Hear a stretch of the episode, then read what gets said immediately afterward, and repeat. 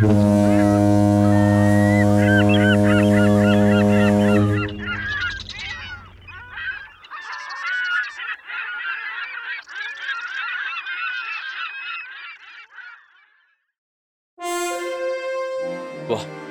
Scuba malzemeleri herkesin malumu genelde yurt dışında üretiliyor ve fiyatları hep yabancı para birimleriyle belirleniyor. Ülkemizde son dönemdeki ekonomik durum da hiç parlak değil. Geçtiğimiz bir haftada ülkemizin para birimi dövizler karşısında büyük bir kayıp yaşadı. Aletli dalışta kullandığımız malzemeler de giderek daha pahalı hale geliyor doğal olarak. İşte bu yüzden bugün size dalış malzemelerinin bakımının nasıl yapıldığından bahsedeceğim. Konuya pahalılıktan girdim ama aslında dalış malzemesine iyi bakmanın, malzemenin iyi durumda saklanmasını sağlamamızın pahalılıktan da daha önemli bir sebebi var. Dalış malzememiz bizim su altında yaşamamızı, su altında dolaşmamızı, keyif almamızı, kendimizi güvende hissetmemizi sağlayan cihazlar. İster maske olsun, ister patik, ister dalış bilgisayarı ya da regülatör, her bir malzeme bize farklı konfor ve imkan sunuyor. Üstelik herhangi bir dalışta malzememizdeki en ufak bir sorun en azından o dalışın keyifsiz geçmesine en kötü ihtimalle de ciddi sağlık sorunlarıyla karşılaşmamıza neden oluyor. Nasıl inik lastikle ya da ömrünü tamamlamış silecekle araba kullanmak sıkıntılı ve tehlikeli ise dalış malzememizin bakımsızlığı da bize aynı duyguları yaşatır. Dalış malzemelerimizi temel olarak üçe ayırabiliriz.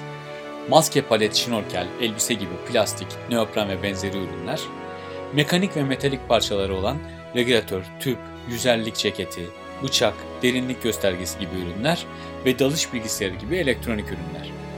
Bu malzemelerin her biri biz dalıcılar için aynı derecede önemli. Hatta bir adım ileri gidelim. Kullandığınız çelik tüpü ufak darbelerden ve çiziklerden koruyan naylon ya da ip file bile bir konfor aracı. Ben oldum olası dalış malzemesine özen gösteren bir dalgıçtım. Hatta ilk 5 dalışımdan sonra hemen ABC denilen maske, palet, şnorkel setimi aldıktan sonra kısa sürede tüm scuba malzememi tamamlarken hep malzememin üzerine titredim. O kadar ki 1999 yılında satın aldığım ve binlerce dalışta kullandığım Böşe avcı maskemi kayışını değiştirmek zorunda kalmış olsam da hala keyifle kullanıyorum. Regülatör setim son 15 yıldır aynı. Yüzerlik yeleğimi 2002 yılında aldım ve 19 yıldır aynı yeleği gerekli bakımlarını yaparak kullanıyorum. Dalış malzemem konusunda yaşadığım iki önemli kaybım var ki bunlardan biri bir dalış merkezinin kapısının önünde kuruması için bıraktığımda çalınan renkli surf patiklerim, diğeri de çok severek aldığım ancak aşırı kullanım sonucu bir gece dalışında ortadan kırılarak bana topal bir dalış yaşatan Dakor marka paletlerim. Peki dalış malzemesine nasıl bakım yapmalı ki uzun yıllar kullanalım? Öncelikle malzememizi kendimizi sever gibi sevmeliyiz.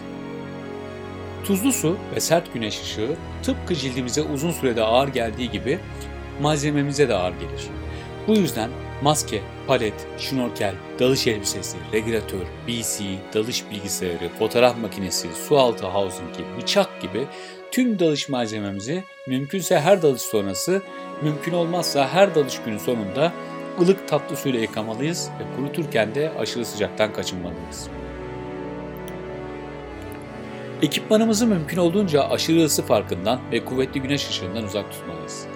Malzememizi satın alırken de genel olarak basit çalışan, alengirli olmayan cihazlardan seçersek, mekanik veya elektronik sıkıntıları da daha baştan azaltmış oluruz. Her dalış günü sonunda malzemeyi temizlemek, kullanmadığımız zaman depolarken düzgün ve sıkıştırmadan kaldırmamız da önemli ama periyodik bakım da çok önemli.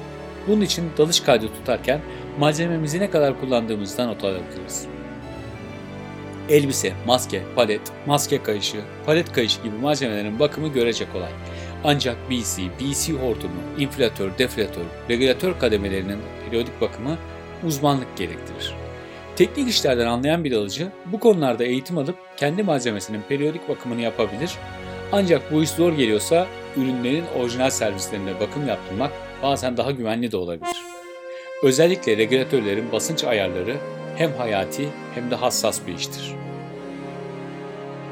Dalış ekipmanımızı korumanın yolları arasında unutulmaması gereken bir yöntem de kurallara uygun dalış yapmak, yüzerlilik kontrolünde ustalaşmak, böylece su altında hem kendimize hem malzememize en önemlisi de su altı yaşamına zarar verecek durumlardan kaçınmaktır.